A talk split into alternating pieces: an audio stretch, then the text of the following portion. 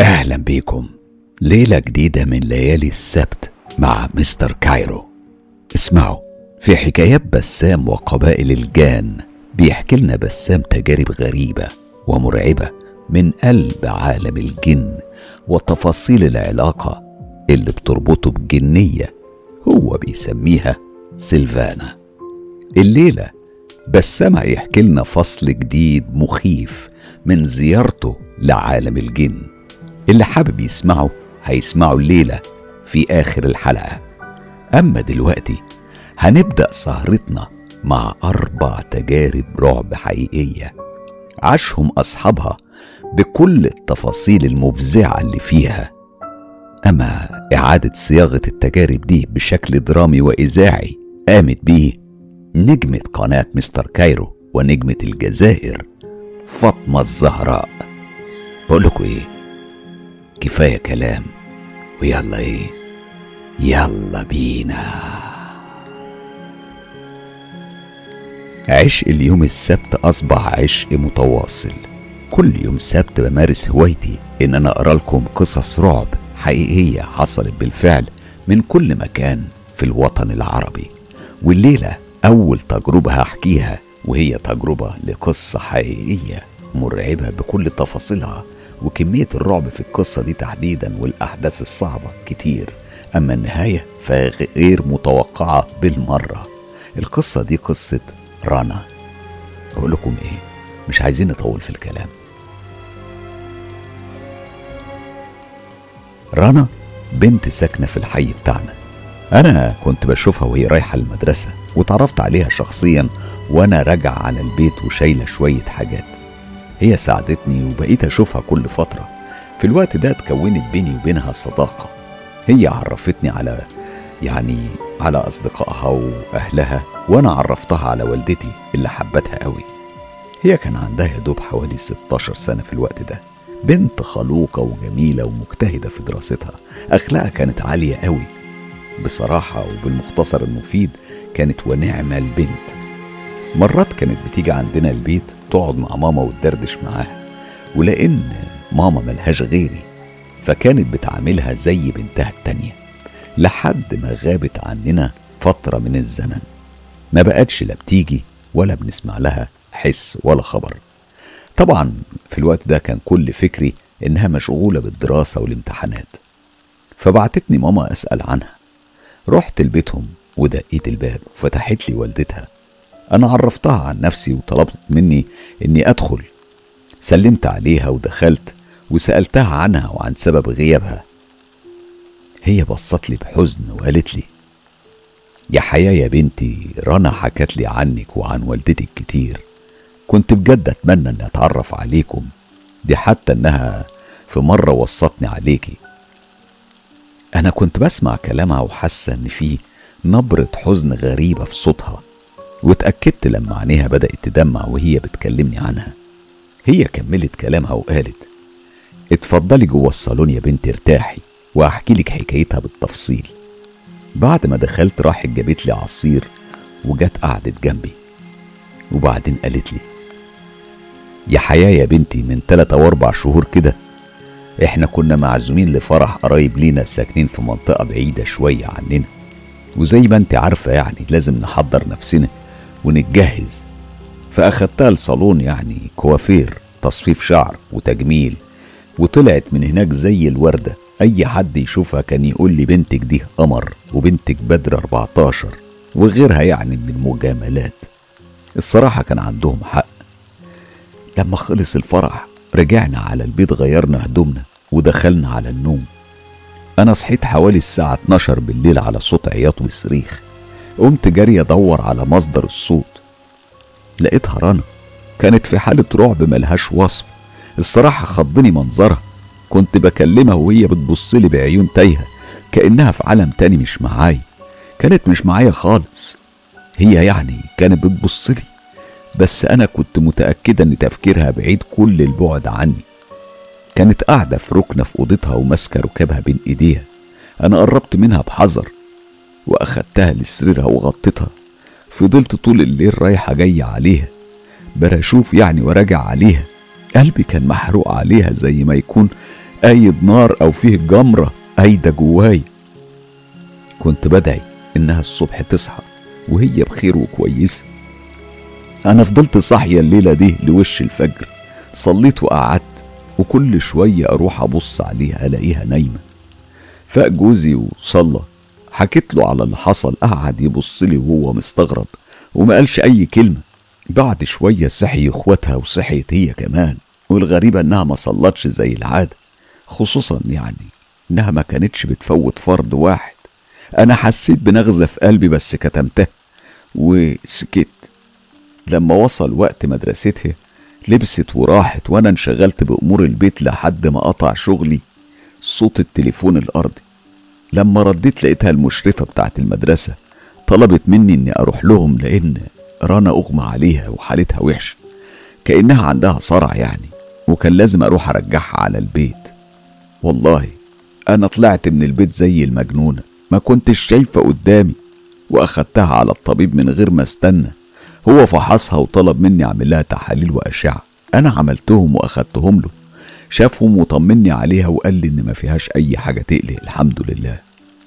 رجعنا على البيت وراحت لأوضتها ترتاح.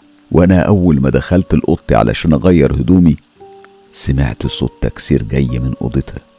رحت لها جري لقيتها واقفة قدام مراية الدولاب بتاعها اللي كانت متكسرة. وهي كانت في وقفتها لازقة في الركن وبتقول لي وهي بتعيط. يا ماما يا ماما في حاجة سودة بتمشي ورايا. بتروح ورايا في أي حتة بروح. الرعب كان مرسوم على وشها وعيونها مبحلقة ومهما وصفتلك مش هتقدري تتخيلي كمية الرعب والفزع اللي شفته عليه واللي خلوني أنا كمان أخاف وأتفزع.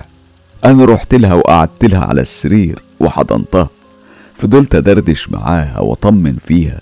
كنت بحاول أغير لها الموضوع لحد ما هديت. بعدها طلعتها للصالون ونامت هناك. في الليلة دي بالذات يا بنتي حصل شيء ما كنتش أتوقعه. بعد ما ناموا إخواتها واطمنت عليهم رحت لها علشان أطمن عليها. لقيتها نايمة. سبتها وطلعت وسبت الباب موارد ورحت على النوم. لكن بعد حوالي ساعتين زمن أو أكتر بشوية مش فاكرة بالظبط سمعت صرخة مرعبة بصوت غريب طالعة من أوضتها. جريت عليها أنا وأبوها لقيناها على السرير وشكلها بيرعب. هنا أم رنا سكتت وهي بتعيط وأنا ما كنتش عارف أرد ولا أسأل ولا أتكلم. أنا فضلت ببص لها وبس يعني هي بعدها كملت كلامها. رنا كانت عيونها بارزة لبره ووشها لافف على جنبها الشمال. بقها معوج ولسانها طالع لبره وبتطلع صوت خشن غريب.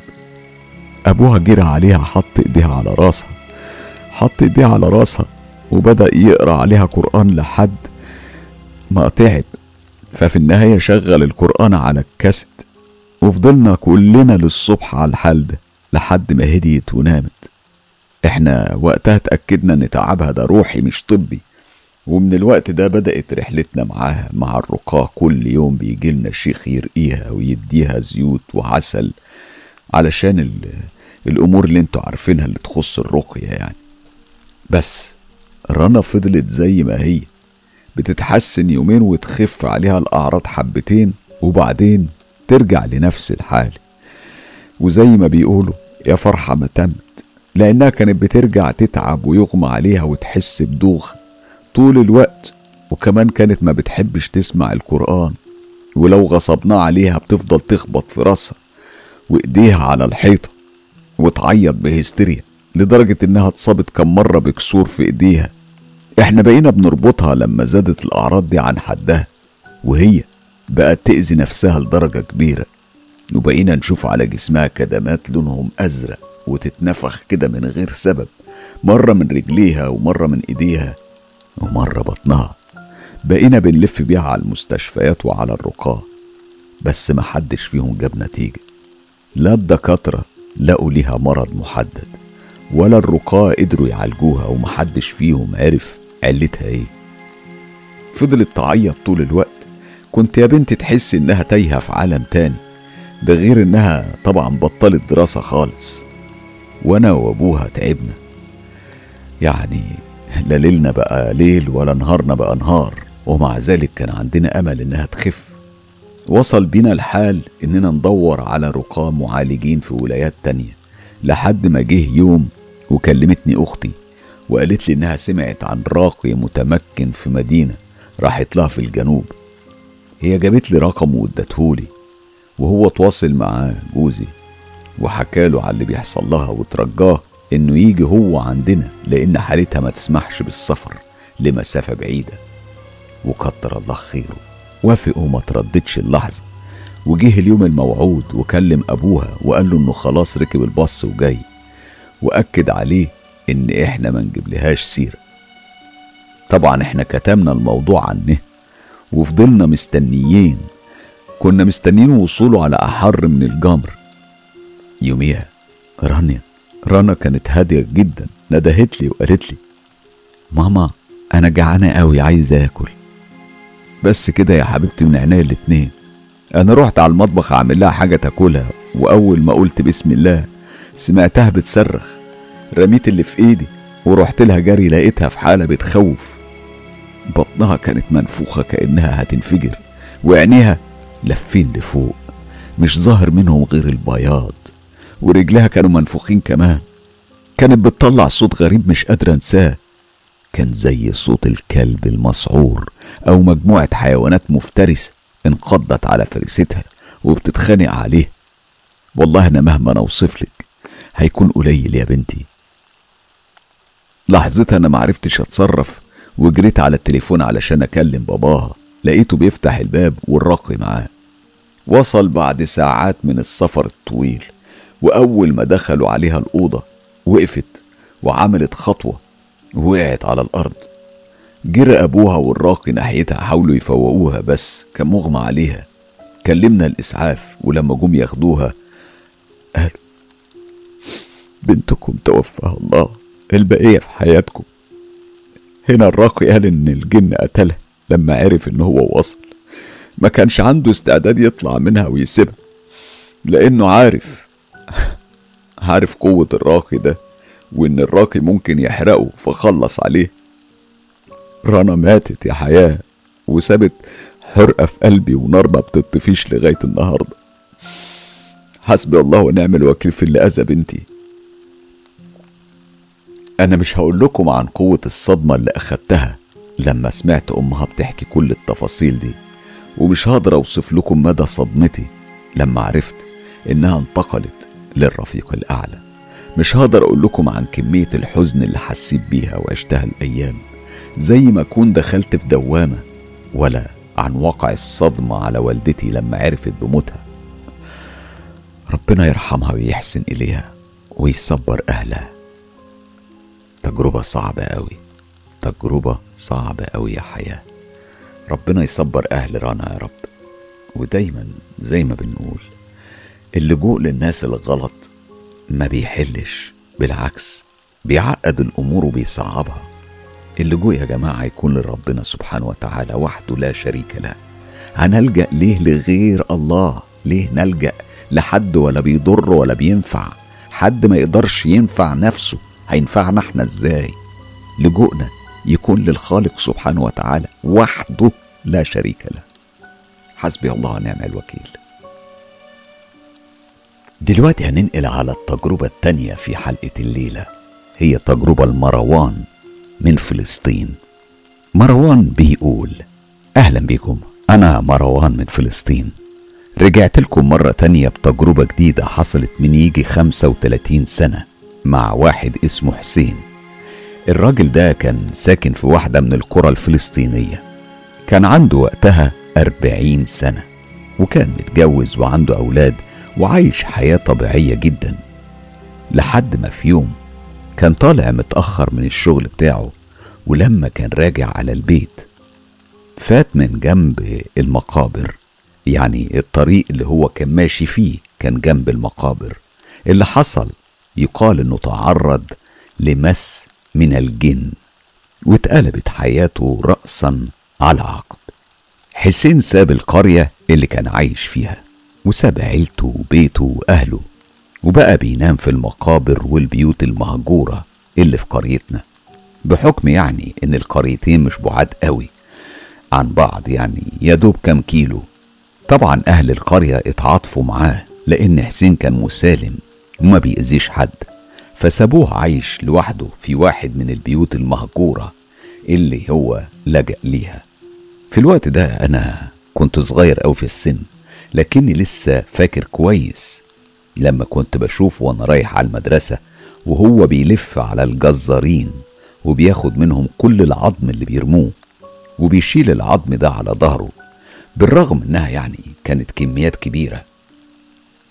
كنت بشوفه بيدخل بالعظم ده بيته المهجور وما يطلعش غير اليوم اللي بعده. ومرة تانية بيعيد نفس الشيء. طبعا الناس بقت عارفة باللي بيحصل معاه في واحد صديق للعيلة كان ساكن جنبه وأكد لنا إنه بيشوفه وهو بيمصمص في العظام دي كل يوم. وبما إنها يعني قرية صغيرة ومفيش حاجة بتستخبى وصلت حكايته لشيخ من المشايخ عندنا في القرية اللي صعب عليه جدا حسين وقرر إن هو يساعده. الشيخ ده طلب مساعدة الأهالي علشان يمسكوه ويقدر يقرأ عليه. بس للأسف لما أهالي القرية حاولوا إنهم يمسكوا حسين ما قدروش لأنه كان عدواني لدرجة كبيرة قوي محدش قدر يقرب منه. في النهاية سابوه ومشوا الجيران كمان اللي كانوا ساكنين جنبه.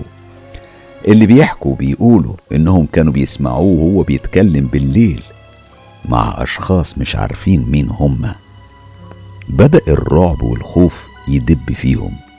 وكمان بقوا بيتجنبوا إنهم يمروا من قدام البيت ده لأنهم حسوا إن في حاجة مش طبيعية بتحصل جواه. بمعنى تاني البيت ده أصبح مسكون بالجن وهم اتأكدوا من ده من كتر ما بيسمعوا أصوات غريبة طالعة منه.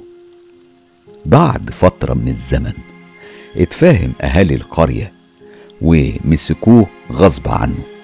وحطوه في مكان وجابوله شيخ علشان يرقيه. بس كل محاولاتهم باءت بالفشل.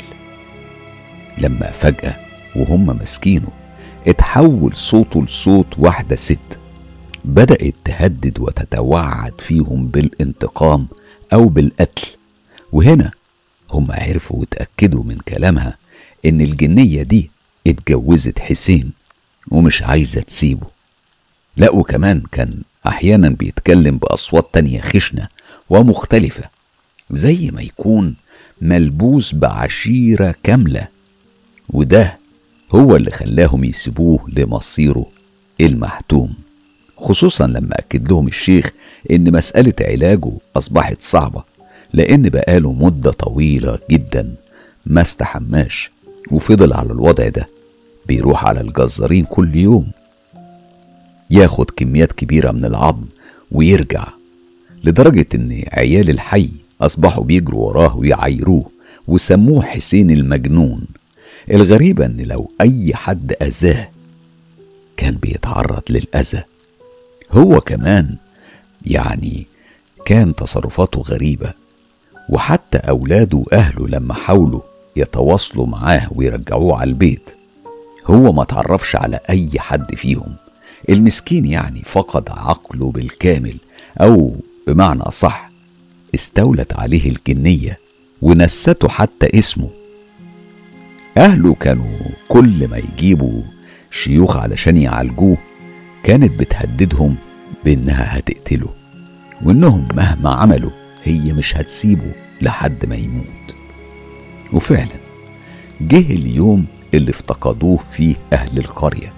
لما شافوه يعني ما عادش بيروح زي عوايده للجزارين وياخد العظم. اختفى وده كان شيء مثير جدا في القرية. الناس كلها كانت بتتساءل هو راح فين. في النهاية اتفقوا إنهم يروحوا على البيت المهجور اللي كان ساكن فيه حسين علشان يدوروا عليه. ولما دخلوا جوه البيت لقوه ميت وأثر خربشات القطط والعض على وشه كانت مشوهاه تماما. أما الأرعب من كده إنهم ما قدروش حتى إنهم يقربوا منه لأن كان في كلب أسود مسعور مكشر عن أنيابه وبيزمجر. عينيه كانت حمرة كأنها نار. الكلب ده كان قاعد قدام الجثة تماما.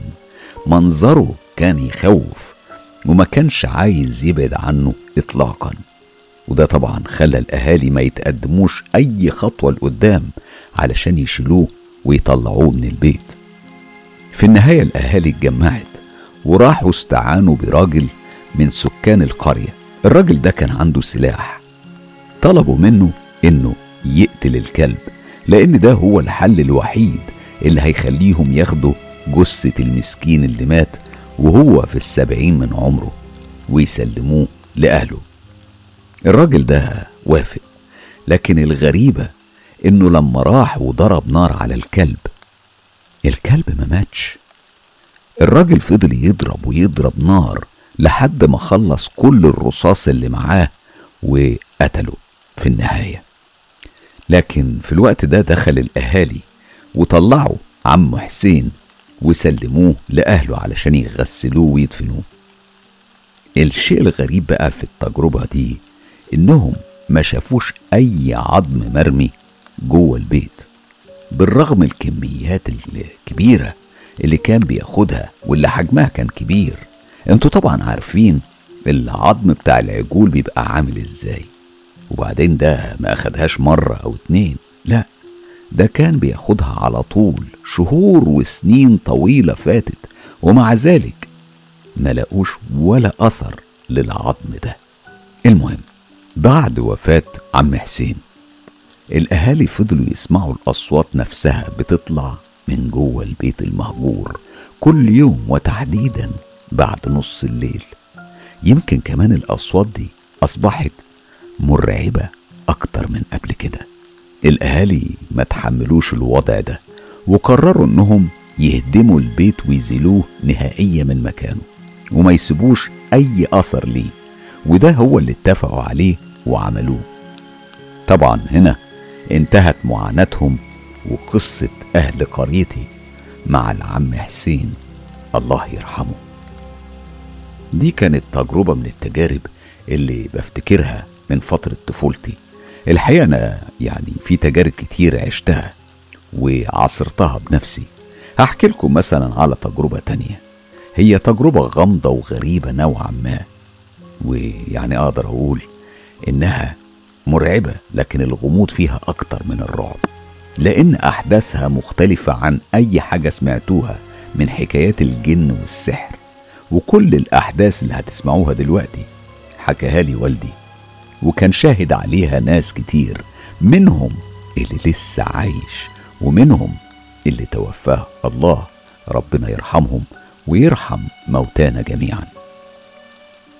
أحداث التجربة دي بتدور في جبل من جبال قرى مدينة نابلس وموجود عليه مستوطنة حاليا. بابا بقى لما كان صغير كان بيروح للمنطقة دي هو وأصحابه علشان يشوفوا حفرة كبيرة كانت موجودة هناك. تقدروا تقولوا يعني إن الحفرة دي عميقة جدا وملهاش نهاية وتقريبا مساحتها حوالي يعني عشرة دونم. بابا واصحابه لما كانوا بيروحوا هناك. كانوا بيقربوا منها وهم بيزحفوا على بطونهم لغاية ما يوصلوا للحافة بتاعت الحفرة ويرموا فيها الحجارة على أمل يعني إنهم يسمعوا صوت وقوعها. لكن الغريب بقى إن ما كانش بيطلع منها أي صوت ولا بيسمعوا أي حركة تحت. كانوا بيفضلوا على الحال ده لغاية ما يزهقوا. ويرجعوا لبيوتهم. والحمد لله إن محدش فيهم اتعرض للأذى. ومع ذلك في حوادث موت كتيرة حصلت هناك. أولها كانت لراجل عنده مواشي ومعيز وبقر. كان دايما يوديهم ويروح هناك بحكم إن المنطقة كبيرة والعشب فيها متوفر بكثرة. وفي مرة أخد مواشيه وطلع الجبل زي العادة. مع قرب دخول وقت المغربية. وصل ميعاد رجوع الراجل لبيته. لكن الجو اتغير فجأة. من جو جميل لجو ممطر وعاصف. الأجواء دي خلت المواشي بتاعته تجري يمين وشمال. طبعا الراجل خاف إنهم يتوهوا منه وما يعرفش يجمعهم. فقرر إن يربط الأبقار بحبل طويل علشان يفضلوا مع بعض. ربط الحبل ده على خصره ومسكه بإيديه وفضل متشبث بيه بيحاول إن هو يوجه القطيع لطريق الرجوع. لكن اللي حصل؟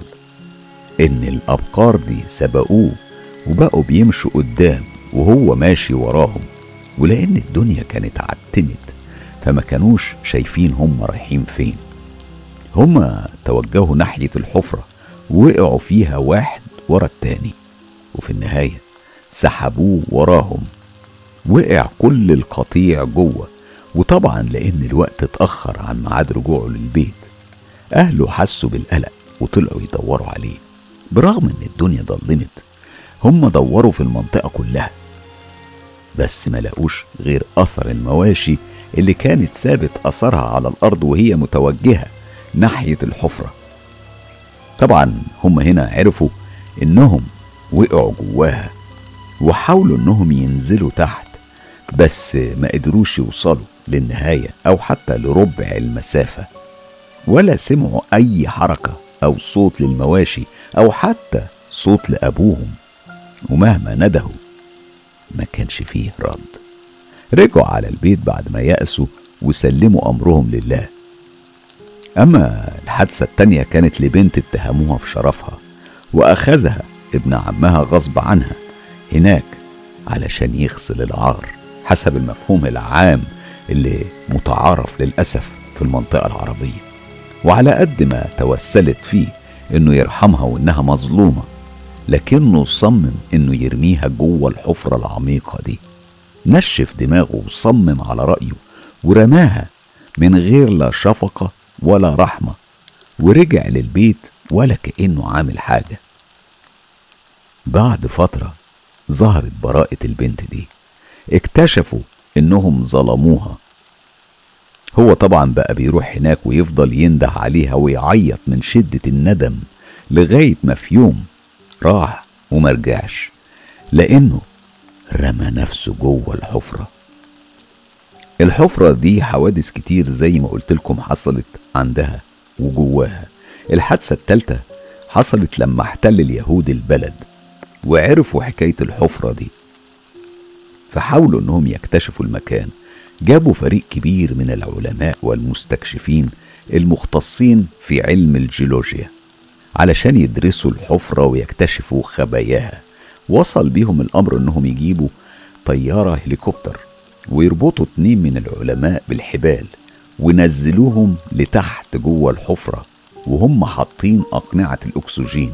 لأن الهواء كان منعدم جوه. طبعا نزلوا أكبر مسافة ممكنة لكنهم ما قدروش يكملوا لأنهم اترعبوا من عمقها الغير محدود.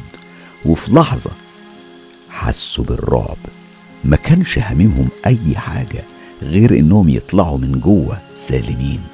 وانسحبوا بصمت لأنهم ما قدروش يستحملوا قوة الضغط وكمية الظلام المخيف برغم وجود الكشافات اللي كانوا نزلوها معاهم.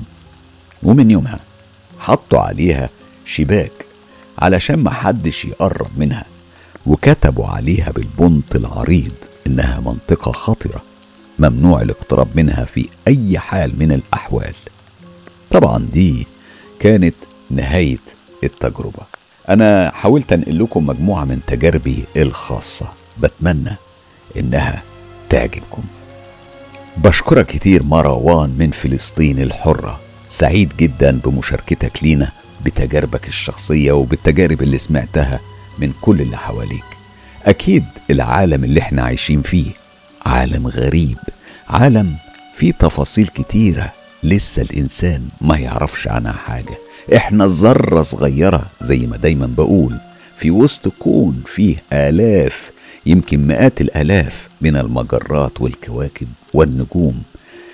وجوه بطن الأرض يا عالم فيه إيه مستنينا؟ التجربة دي هي تجربتنا التالتة الليلة وجاية لنا التجربة من الجزائر وبيحكيها لنا سامي. تعالوا نسمع سامي هيقول لنا إيه. مساء الخير عيلة مستر كايرو.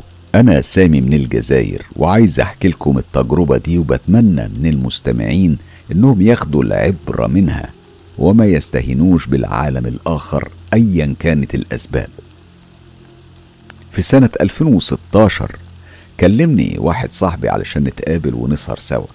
أنا طلعت ورحت له وقعدنا في مكان قريب من بيتهم. كان في بيت مقابل لينا كنا بنسمع الناس بيقولوا عنه إنه مسكون بالجن. والصراحة أنا ما كنتش من الناس اللي بتصدق بالحاجات دي. إحنا ليلتها قعدنا نتكلم ونهزر ونضحك ويعني شوية حكايات على نكت وكلام عن الكورة والحياة وغيرها يعني من المواضيع اللي الشباب بيتكلموا فيها. لحد ما لفت انتباهي شيء غريب ما كنتش مركز معاه في الأول. كنت كل ما بتلفت أو اتلفت ناحية البيت المهجور بحس إن في حركة جواه وفي حد بيبص علينا. وزي ما يكون فيه نور بينور ويطفي زي الكشاف أو يعني تشبيه أكتر زي ولاعة مثلا اللهب بتاعها بيتحرك ما كنتش قادر أحدده بالظبط بس أنا بحاول أقرب لكم الفكرة أنا سألت صاحبي زهير أنت شايف اللي أنا شايفه؟ شايف إيه؟ مش فاهم أنت بتتكلم عن إيه؟ بص على البيت المهجور في حد جوه بيراقبنا وكأنه ماسك ولاعة وعمال بيتحرك بيها. لا لا لا ده انت بيتهيالك. مفيش حاجة انت أكيد بتتخيل. أنا سكت بس فضلت مركز قوي في البيت وفجأة سمعت صوت ضحك طالع من جوه. بقيت ساعتها بشوف خيالات رايحة جاية لأكتر من شخصين. حسيت وقتها بفضول عجيب يتمكن مني. الفضول ده خلاني إن أنا عايز أنط جوه البيت وأشوف فيه إيه وإزاي. إزاي الحاجات دي بتحصل. طبعا ده اللي كنت بسمع الناس بتتكلم عن البيت ده على طول في الحي زي ما قلت لكم في البداية وكل محاولاتي لاقناع زهير إنه يجي معايا فشلت. هو طبعا عاند ونشف دماغه وراسه بألف سيف إن هو مش هيخاطر بنفسه ويعتب جوه البيت ده لأنه بيخاف من الحاجات دي. أنا بصيت على الساعة لقيتها 12 بالظبط. فضلت أعاير فيه وأنكشه بكلمات زي يا خواف يا جبان أنتوا عارفين طبعا الطريقة اللي الشباب بيحمس بعض بيها. وقلت له إن الحاجات دي مش موجودة فعلا وأنا بضحك بأعلى صوتي وفي لحظة عينيا اتثبتت وراه وقف الكلام في زوري. واتجمدت أنا في مكاني. أنا حسيت عينيا هيطلعوا من مكانهم. قلبي كان هيتوقف من قوة الصدمة. جسمي كله أشعر ووشي جاب ألوان. زهير كان بيبص لي وهو مندهش وبيقول لي سامي سامي فيك إيه يا سامي؟ مالك؟ وشك اتغير كده ليه؟ وسكت فجأة. أنا حاولت أستجمع كل اللي فضل فيا من قوة وقلت له زهير في واحدة عجوزة واقفة وراك يا زهير. هو قام من مكانه ولف بسرعة وهو مخضوض. لكنه ما شافش أي حاجة. يا جدع بلاش تريقة والله خضتني. يعني ولا في عجوز ولا حاجة. إيه الهبل بتاعك ده؟ كل ده وأنا لسه متجمد في مكاني ومش قادر أتحرك. أنا هنا قلت له طب يلا بينا نمشي من هنا بسرعة. وش العجوزة المشوهة؟ جاب آخري من الرعب ودي كانت أول مرة في حياتي أشوف حاجة زي دي. أنا رحت على البيت ودخلت على الأوضة اللي كنت بنام فيها أنا وأخويا اللي أكبر مني. دخلت في فرشتي وشغلت التلفزيون على واحدة من قنوات القرآن الكريم. وفجأة اتفتح باب الأوضة لوحده. لا كان في ريح ولا حد صاحي غيري. أنا فضلت مركز ومستني. قلت يمكن حد من أهلي صحى على صوت التلفزيون لكن عينيا جت على أكرة الباب. اللي كانت ممسوكة بإيد كأنها هيكل عظمي مخبيش عليكم وبصراحة نشف الدم في عروقي لدرجة إني فضلت صاحي للصبح ولما حكيت لهم عن اللي حصل لي في ال... قالوا لي إن ده ممكن يكون بسبب الفيديوهات والأفلام اللي بتفرج عليها وإن أنا يعني آه بلعب جيمز والكلام ده وده خلاني أتوهم وأتخيل الحاجات دي وبس. فات اليوم عادي ولما جه الليل ورحت على النوم حسيت كأن في حد واقف فوق راسي وبعدين حط إيديه عليا. أنا طبعا متأكد وواثق إني ما كنتش نايم وبتخيل لأن كمية البرودة الغير عادية اللي حسيت بيها وقتها كانت زي التلج أو أشبه بإيد ميت اتحطت فوق راسي. كانت بتمسح عليا من راسي لحد رجليا. وخلتني متجمد ومش قادر أتحرك من الخوف. أنا فضلت على الحال ده يجي ساعتين لغاية ما توقفت وبعدها أنا رحت في نوم عميق وحلمت بالعجوزة إياها وهي بتكلمني وبتقولي يا سامي يا ابن جميلة أنت كنت بتتريق وتضحك علينا مش كده؟ إحنا بقى هنخليك تعيط. أنا شفتها كأنها شايلة راسي بين إيديها وهو بيقطر دم وجسمي ما كانش موجود. أنا فوت من النوم وأنا مالي البيت صريخ. كنت بصرخ صريخ مش طبيعي. ده أنا فاكر إن صوتي في الوقت ده كان جايب آخر الشارع حرفيا. وصحى أخويا من النوم وجه جري عليا وهو بيستفسر عن سبب صريخي. وأنا مفيش على لساني غير كلمة واحدة بس. العجوزة العجوزة العجوزة. كنت بعيد وبكرر فيها مش عارف كام مرة. وبعدين؟ رجعت على النوم وصحيت الصبح. كان يوم خميس. لاحظ عليا أهلي اني يوميها كنت في حالة مش كويسة. كنت بقف قدام المراية وأعمل حركات غريبة وبكلم نفسي واتخض من أي حركة بتحصل. وهنا والدتي سألتني عن سبب الحالة اللي أنا فيها. طبعا لما حكيت لها على كل شيء من طقطق لسلام عليكم هي طلبت مني إني ما أركزش مع الحاجات دي وأنسى اللي حصل. وللأسف ولا واحد من أهلي صدق كلامي. بعدها بيوم شغلت قناة للقرآن الكريم كانوا بيحطوا فيها أرقام روحانيين بتمر أسفل الشاشة ولفت انتباهي رقم هاتف مكتوب قدامه اسم المنطقة اللي أنا كنت عايش فيها. شغلت كاميرا التليفون علشان أصورها يعني كنت حابب أصورها فيديو وأحتفظ بيه. لحظتها اتفتح الباب في نفس الوقت وشفت كيان داخل بيجري وسمعت صوت ضحكات لطفلة صغيرة مع العلم إن مفيش عندنا أطفال في البيت من الأساس وأصغر واحدة أكبر مني بثلاث سنين. أنا كمان بدأت أسمع صوت الرياح وهي بتحرك أشجار العنب اللي في الحوش. فطلعت أشوف فيه إيه بس ما كانش فيه حاجة. ولما كنت راجع سمعت صوت بابا بيتكلم بصوت عالي. كان بيقول سامي أنا جبتهولك هو عندك جوة. وأول ما كنت رايح أدخل على الأوضة سمعت صوت البنت من ورايا بتكلمني وهي بتقولي سامي لو كنت ابن جميلة بجد ادخل جوة. هنا أنا جسمي كله أشعر لكني كملت ورجع الصوت بيعيد نفس الكلام ثلاث مرات وأنا عامل نفسي مش سامع ولا مهتم. لكن الغريبة إن في تالت مرة كان صوت الطفلة دي مرافقه الصوت حشرجة كلب. أنا التفت وقتها بسرعة لكني ما لقيتش غير قطعة قماش بيضة وقع على الأرض معرفش جت منين.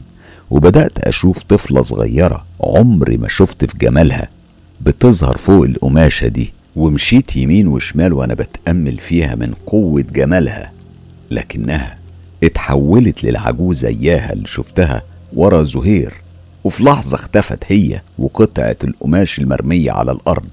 أنا طبعا فضلت واقف متسمر مكاني لثواني بعدها دخلت على الأوضة.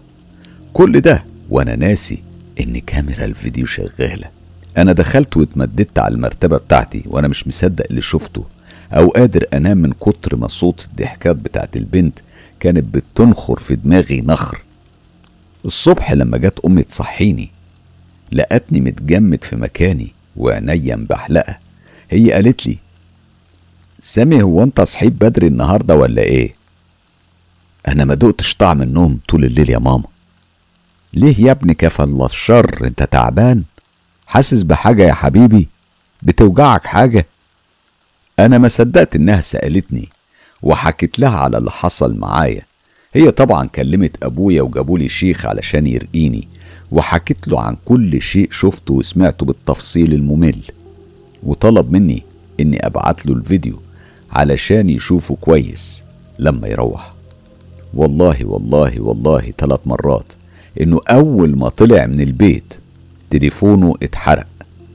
وبعد يومين جابولي شيخ تاني وبعتله الفيديو.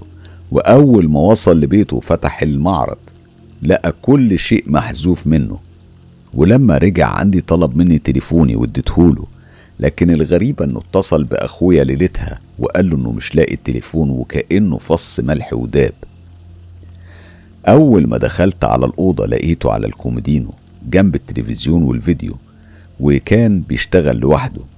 أنا هنا بدأت أصرخ وأقول أشهد أن لا إله إلا الله أشهد أن لا إله إلا الله. حسيت إن نهايتي قربت.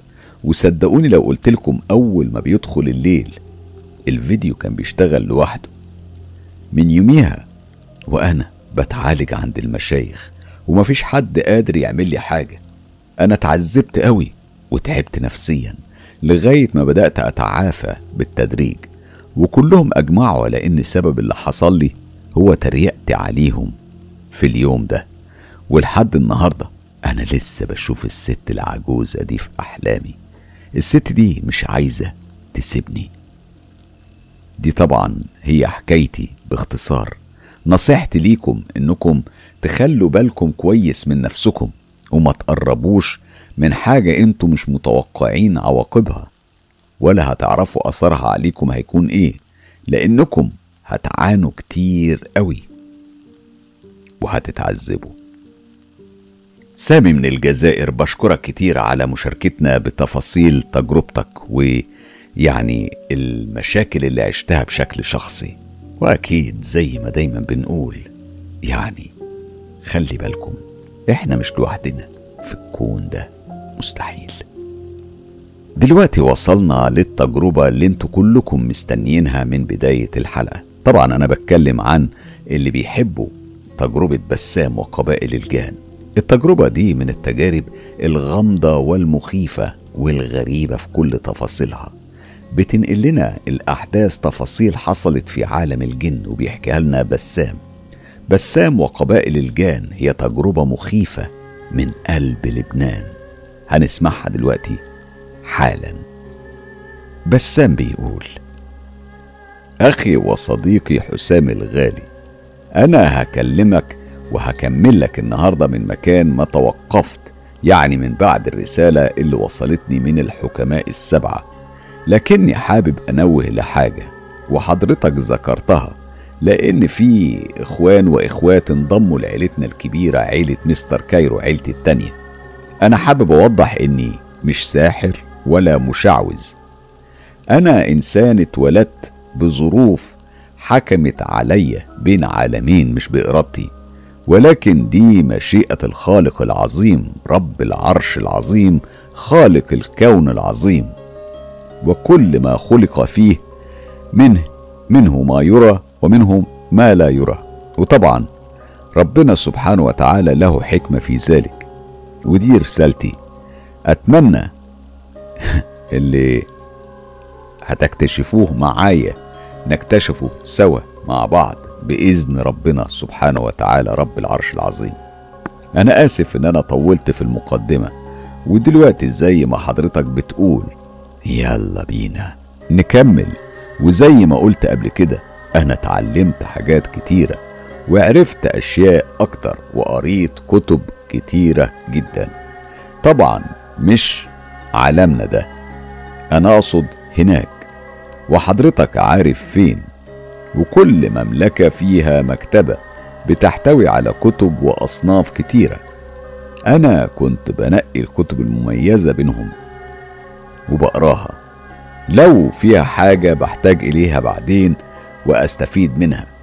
ومن بين الكتب قريت كتاب إن في طريقة لحجب أو ردع المتطفلين لقراءة أفكارك. طبعا دي شدت انتباهي. على فكرة أنا لما بدخل المكتبة لازم تكون سيلفانا معايا فكنت بسألها واستشيرها وهي كانت دايما تفهمني وتفسر لي كل حاجة. آه على فكرة أكيد حضرتك هتقول لي هي الكتب دي مكتوبة بلغة نقدر إحنا البشر نفهمها؟ هقول لك بالطبع لأ لأنها مكتوبة بلغتهم وأنا أصبحت لما بقراها بتترجم في دماغي لوحدها وما تسألنيش إزاي لأني هقولك معرفش. هي بتيجي كده. وأكيد سيلفانا بتقول معانيها والمقصود منها إيه. أنا جربت الطريقة ونجحت معايا لكن اللي معرفتوش إن في شخصيات ودول محدودين. يمكن هم اختراق الحاجز ده وهم الحكماء طبعا ومش كلهم والبعض من الملوك دول بس خليني أقول لك طيب أنا ليه بكتب لك كل ده؟ علشان كل شيء في حياتي مرتبط ببعضه وله سبب. بعد فترة من الزمن وتواجدي الدائم مع سيلفانا أو تواجدها معايا سميها زي ما حضرتك عاوز. إني اتضحك عليا أو إن حياتي كلها عبارة عن تجربة كبيرة ولا يهمك هتعرف أنا قصدي إيه. أنا انتظرت سيلفانا ولما جت وسلمت عليا كالعادة أنا قلت لها سيلفانا أنا هسألك سؤال وعاوزك تجاوبيني بصراحة زي العادة. يا آه يا لأ. هي ردت عليا بس مالك أنت باين عليك الجدية قوي قولي في إيه؟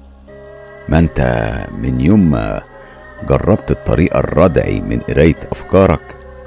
إلا إذا أنت يعني سمحت وأنا بحس كأني بعيدة عنك. هو أنت مش مطمن لي؟ هو أنا عملت حاجة علشان تعاملني بالطريقة دي؟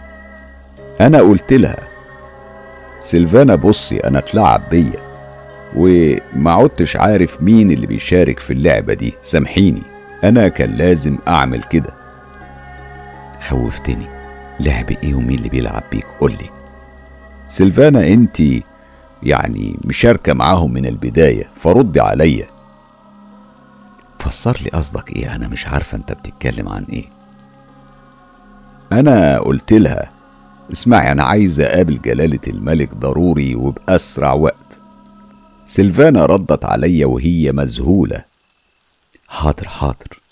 وراحت. وأنا طبعا كنت في كم كبير من الغضب الشديد. مرت دقايق معدودة وأنا بحاول أبلع غضبي. ودخلت سيلفانا وقالت بسام والدي في انتظارك.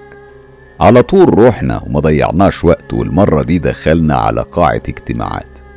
كان جلالته في انتظارنا وكبير الحكماء معه دخلنا وألقيت السلام على جلالته وعلى كبير الحكماء. بعدها أنا حسيت كأني عريان أمامهم داخليا. فاكر المقدمة اللي قلت لك فيها هنعوزها بعدين؟ هي دي يعني أنا تم اختراقي من لحظة دخولي. نظر لي جلالته وقال بسام كل أسئلتك سيجاب عليها الآن ولكن قبل ما تبدأ بالكلام أفكرك إن عليك انتقاء كلماتك لأن كل كلمة هتخرج منك. هيتم مديحك أو محاسبتك عليها. أنا فهمت هنا إن علي السيطرة على غضبي وطريقة كلامي فقلت جلالتك أتمنى النهاردة إنك ت... يعني ما تتكلمش معايا بالألغاز وأرجو أن يكون الحديث واضح وصريح لأني محتاج إجابة على أسئلتي. أنا عايز أعرف ليه بيتم التلاعب بيا وبحياتي والكذب عليا طول فترة حياتي. هو رد عليا وقال بسام كل اللي انت عرفته ده صحيح وده حفاظا عليك وعلى حياتك. لأنك زي ما انت عارف عندكم يعني في مؤامرات وغش وخداع ونصب وانتهاز فرص. كمان موجود عندنا نفس الكلام وده السبب إن إحنا عملنا ده خوفا عليك خوفا على يعني شخصك وعلى الإرث كمان. أنا طبعا كنت ببص له بسمع وأنا في حالة ذهول. قلت له طب وسيلفانا هل هي كانت ضمن الخطة؟ يعني أنتوا حاطينها لي طعم. هو قال سيلفانا كان عليها إنها تكون حارسك الأمين لأني ما بثقش في حد أكتر منها. لكن أنت الملام ومش هي. لما ضمتها على صدرك وحست بدقات قلبك ارتبطت بدقات قلبها من الوقت ده وهي ما تعرفش شيء. كان بس دورها تحميك وتفضل جنبك. أتمنى تكون فهمت دلوقتي. أنا قلت له أنا ما فهمتش قصد جلالتك عن المؤامرة وكل الكلام ده. هو قال لي بص كم مرة كانت حياتك في خطر وكنت على مشارف الموت فاكر ولا فكرك؟ أنا قلت له لا مفيش داعي لأني أنا فاكر كل حاجة. رجع قال جلالة الملك بموتك تكون نهاية سلالتك وهي سلاحنا. والآن أنت السلاح ده فعليك إنك تعرف ده وهتعرف أكتر قبل انتهاء المرحلة دي. وبموجبها هيتم التعامل معاك. فما تلومش سيلفانا على شيء هي ملهاش علم فيه. زي ما انت كده بتجيلك الأمور بالتدريج لتجهيزك هي كمان بيحصل معاها نفس الكلام. أنا قلت له طب دلوقتي والأمور أصبحت واضحة ليا ولسلفانا إيه اللي هيحصل بعد كده؟ هنا اتكلم الحكيم وقال عجبتني سرعة تطورك وسرعة بديهتك وتعلمك ولكن ما تستعجلش الأمور. ابتداء من الجلسة التانية. هيتم التعامل معاك بطريقة أخرى. أنا قلت له أنا مش فاهم أنت تقصد يعني إيه بطريقة أخرى. لا تخاف أنا أقصد في طريقة أفضل لأنك برهنت إنك جاهز. هو سكت بعدها وهنا جلالته قال بسام أنت هيبقى في حروب عليك وضغوطات. عايزك تتحلى بالحكمة والصبر وكل شيء هيكون زي ما رتبنا له. يعني مفيش أي حاجة هتحصل غير اللي إحنا مرتبينه. في أي أسئلة عندك؟ أنا قلت له في الوقت الحاضر لا وشكرا على صراحتك وسعة صدرك. استأذنت منه بالانصراف وقال لي إن أنا ممكن أنصرف. خرجنا من القاعة. قلت سلفانا خديني لجناحك أنا بدي أرتاح شوية. هي بصت لي وقالت مش بس انت اللي بدك راحة أنا كمان لأني مصدومة من اللي سمعته لأني زي ما اتلعب بيا واتلعب بيك. دخلنا رميت نفسي على السرير وفتحت إيديا قربت مني واتمددت جنبي وحطت راسها على كتفي وغمرتها وشديت إيديها وقلت لها سامحيني لأني شككت فيكي. أنا بوعدك اني هسيطر على غضبي معاكي انتي وبس. هي كمان غمرتني. وأنا كمان بوعدك إن مفيش أسرار ما بينا طبعت على شفايفي قبلة. كانت أول قبلة أخدها في حياتي كلها. جسمي كله ارتعش وحسيت كأن قلبي هيطلع من مكانه ونفسي كان هيتقطع. فقلت سيلفانا لا يا غاليتي مش في الظروف دي وأنا مشوش وضايع. افهميني يا روح الروح خلينا نرتاح. هي ردت عليا وقالت القبلة دي أنا ليا سنين بحلم بيها وهتكفيني لسنين وسنين وبوعدك مش هتتعاد إلا إذا أنت كنت جاهز. ومعاك حق الزمن مش مناسب. لأن مشاعرنا متضاربة وكمية الأسرار اللي اتكشفت ممكن ممكن تأثر على مشاعرنا.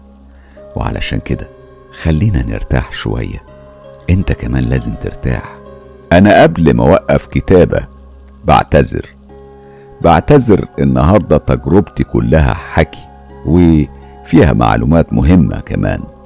بالنهاية بحب أقول لكل أخ أو أخت إذا بعدك مصمم على دخول عالم الجن فكر مليون مرة قبل ما تاخد قرارك ده لأن زي ما بتقولوا يعني في الأمثال المثل اللي بتكرروه بس يا ريت تطبقوه ما يبقاش بس كلام.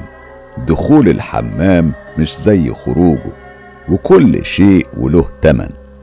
ويا ريت بتعرف أو بتعرفي إيه هو التمن لأنه هيكون باهظ جدا. ممكن تكون حياتك أو حياة أقرب الناس ليك. فنصيحتي خليك يعني اسمع واتعظ وما تجربش. هيك أحسن ليك والأقرب الناس ليك. وهلك أنا رايح أرتاح. سلام يا صديقي الغالي. بسام الخوري الصديق المحترم الغالي بشكرك على مشاركتنا بكل التفاصيل الغريبة. اللي موجودة في قصتك واللي بتزور فيها عالم الجن وبترجع لنا بكل التفاصيل الغريبة دي. بشكرك بسام الخوري وفي انتظار فصل جديد من فصول قصة حياتك. لو بتحب تعيش تجربة مختلفة وبشكل جديد لأول مرة بيتم تقديمه على أي قناة في الوطن العربي. اسمع قصص رعب للنوم مع عراب الجن مستر كايرو. على قناتنا التانية قناة عراب الجن. القصص هناك محكية بصوت العراب وبدون أي مزيكا أو مؤثرات صوتية فقط على صوت مؤثرات طبيعية من مطر ورياح واحتراق حطب على نار المعسكر وغيرها كتير. يلا. مستنيين إيه؟ اشتركوا من خلال الضغط على الرابط المتاح في أول تعليق وكمان في خانة الوصف. هنستناكم هناك. ليه تشترك في قناة مستر كايرو وقناة عراب الجن؟ أنا هقول لك علشان توصلك آخر المعلومات اللي ممكن تفيدك وتحميك من عالم السحر والصحراء وكمان علشان تكون ملم بعالم الجن والعوالم الغامضة اللي بتشاركنا حياتنا. اسمعوا لو عندكم تجارب حقيقية وحصل بالفعل ليكم أو لحد من أصحابكم وحابين تشاركوا بيها أصدقاء مستر كايرو هتعملوا إيه؟ سهلة جدا. ابعتوا التجارب على الصفحة الرسمية للإعلامي حسام مصباح على موقع التواصل الاجتماعي فيسبوك أو على تطبيق تليجرام وده أفضل طبعا. كل الروابط هتلاقوها موجودة في خانة الوصف وللحصول على كل الحصريات. انضموا ل group تجربة رعب مستر كايرو وصفحة هستيريا قصص رعب على فيسبوك. ولو حابب بقى تدعم تجربة مستر كايرو سهلة قوي. ادعموا بالاشتراك في القناة والإعجاب بالكليب طبعا لو عجبكم و share الكليب في كل مكان واتساب ماسنجر إنستجرام وأخيرا يوتيوب. خلي الدنيا كلها تعيش تجربة مستر كايرو. لحظة واحدة قبل ما تروحوا في أي مكان. هل حبيت تخوض تجربة مستر كايرو لدرجة الإغراق والاستمتاع الكامل؟ إذا انتسب لقناة مستر كايرو. الانتساب بيخليك مميز وفعلا بتاخد حصريات ما بتتذاعش في أي حتة فقط لمنتسبي قناة مستر كايرو. للانتساب اضغط على زرار الانتساب اللي موجود على إيدك اليمين فوق في أول صفحات قناة مستر كايرو. لو بتحب تعيش تجربة مختلفة وبشكل جديد لأول مرة بيتم تقديمه على أي قناة في الوطن العربي اسمع قصص رعب للنوم مع عراب الجن مستر كايرو على قناتنا التانية قناة عراب الجن. القصص محكية بصوت العراب وبدون أي مزيكا أو مؤثرات صوتية. فقط على صوت مؤثرات طبيعية من مطر ورياح واحتراق حطب على نار المعسكر وغيرها كتير. يلا مستنيين إيه؟ اشتركوا من خلال الضغط على الرابط المتاح في أول تعليق وكمان في خانة الوصف هنستناكم هناك.